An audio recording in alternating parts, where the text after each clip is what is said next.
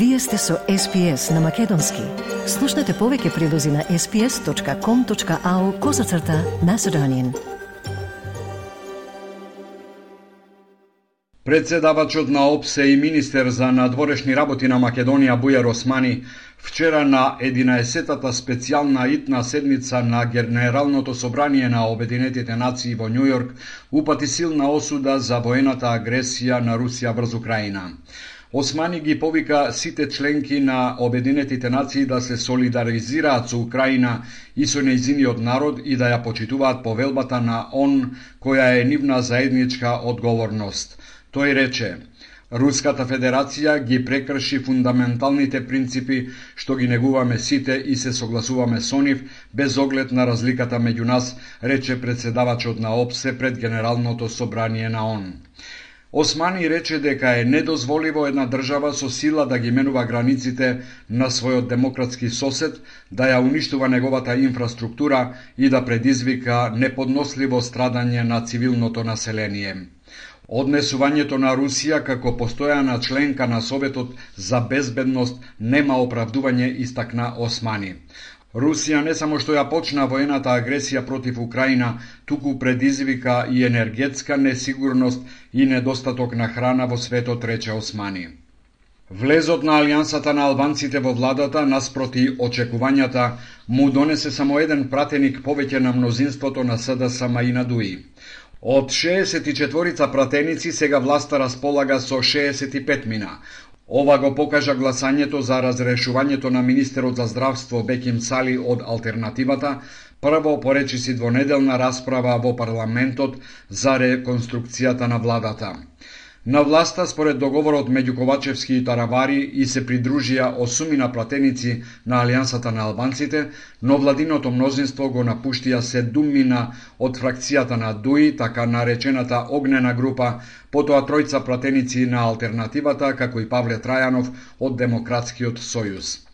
За власта реконструкцијата и изгубеното време не било залудно и покрај тоа што не се доби очекуваната бројка – Мартин Костовски од СДСМ на говорницата рече. Не би се сложил дека 64 еднакво со 65, како што 1 плюс 1 не е 3, туку е 2. Кажав дека во наредниот период ќе бидете сведоци како вие медиумите, така и целокупната македонска јавност дека ова парламентарно мнозинство со европски предзнак и тоа мора повторно да го потенцираме дека ќе има прогресија на зголемување.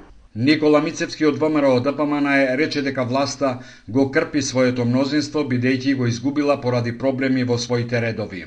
Како и пред една година, така и сега имаме ситуација на крпење на мнозинство без јасна цел, без програма, без визија. Ова што би рекле луѓето е состојба во која што од една страна крпат, а од друга страна им се кине владеачкото мнозинство. Затоа што едноставно веќе е изгубен целосно легитимитетот од граѓаните. Парламентот синоќа продолжи со расправа по предлогот за избор на новите министри. За дискусија беа пријавени 38 мина пратеници од опозицијата. Комплетирањето на владата на Ковачевски се очекува да заврши утре сабота. Бугарското здружение Цар Борис III од Охрид не ја доставило комплетната документација за промена на името во законски предвидениот рок што истече на 16 февруари.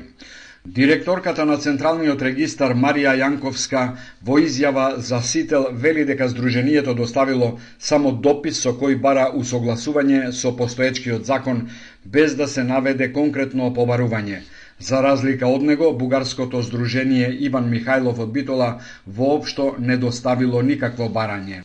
Централниот регистар го известува подносителот дека е потребно за да изврши за да изврши уписната промена согласно новите законски измени е потребно да достави пријава со дополнителна документација за да може да постапиме поднос на таа пријава. Но не само за бугарските здруженија, Централниот регистар испратил список од вкупно 17.000 здруженија, што треба да ги провери комисијата и да се донесе одлука дали некое ќе биде избришано.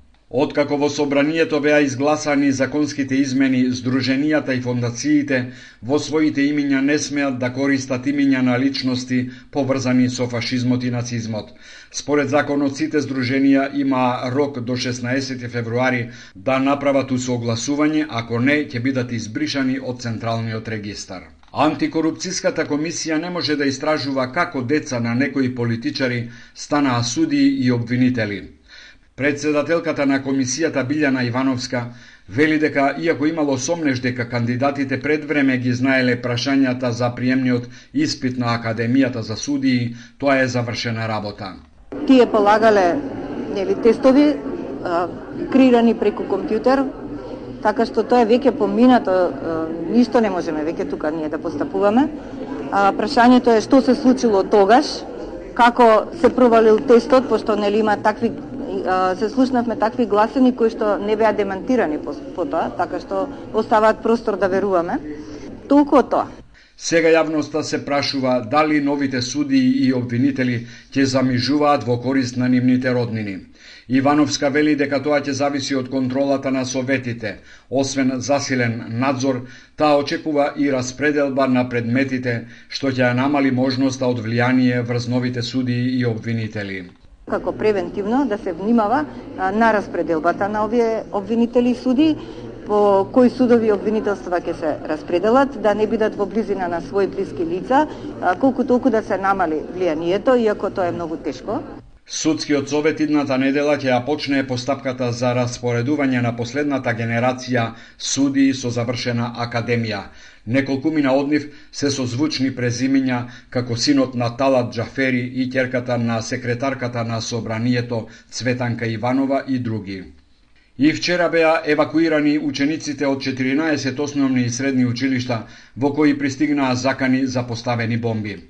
Се вршеа проверки и се изгубија часови од наставата по кој знае кој пат. МВР и вчера утврди дека заканите се лажни. Академските професори вчера на трибина предупредија дека образовниот процес е доведен во прашање. Младите ја губат довербата во системот, а тоа ќе остави кај нив трајни последици. Решението не го гледаат во онлайн наставата. Професорката Татјана Иванова за медиумите рече ова еден вид дури на морална деградација во контекста неможност да се да да се нормално функционира образовно воспитниот процес, а образованието знаеме дека е столбот на секое општество. Ние не смееме да дозволиме да имаме изгубени генерации или генерации кои што нема да имаат не само доволен фонд на знаења, ќе имаат еден вид на морален и вредносен вакуум во контекст на ова што го говориме. Професорот на факултетот за безбедност Маријан Ѓуровски вели дека кај младите почнува да владее стравот. Најважно е кога ќе дојде лажната дојва за бомба, како тие ќе реагираат првично, значи стравот се собира особено кај помладата популација и излегувањето од училиште да не дојде до физичка повреда. Воедно треба да се превземат мерки во делот на зголемување на физичкото обезбедување а, на училиштата, за време на 24 часа. Матурантите бараат од институциите итно да обезбедат услови за непречено одвивање на наставата. Министерството и конкретно надлежните институции би можеле да пружат некакво решение што мислам дека доцни во, во контекст на тоа што би требало дури ова да се направи пред почетокот, знаејќи дека и во соседна Србија имаше вакви слични дојави. Скопскиот универзитет Кирил и Методи спроведе научно-истражувачки проект за безбедноста во училиштата. Преку трибини ќе бидат едуцирани учениците од основните и од средните училишта. Сакате ли да чуете повеќе прилози како овој? Слушате подкаст преку Apple Podcasts, Google Podcasts, Spotify или од каде и да ги добивате вашите подкасти.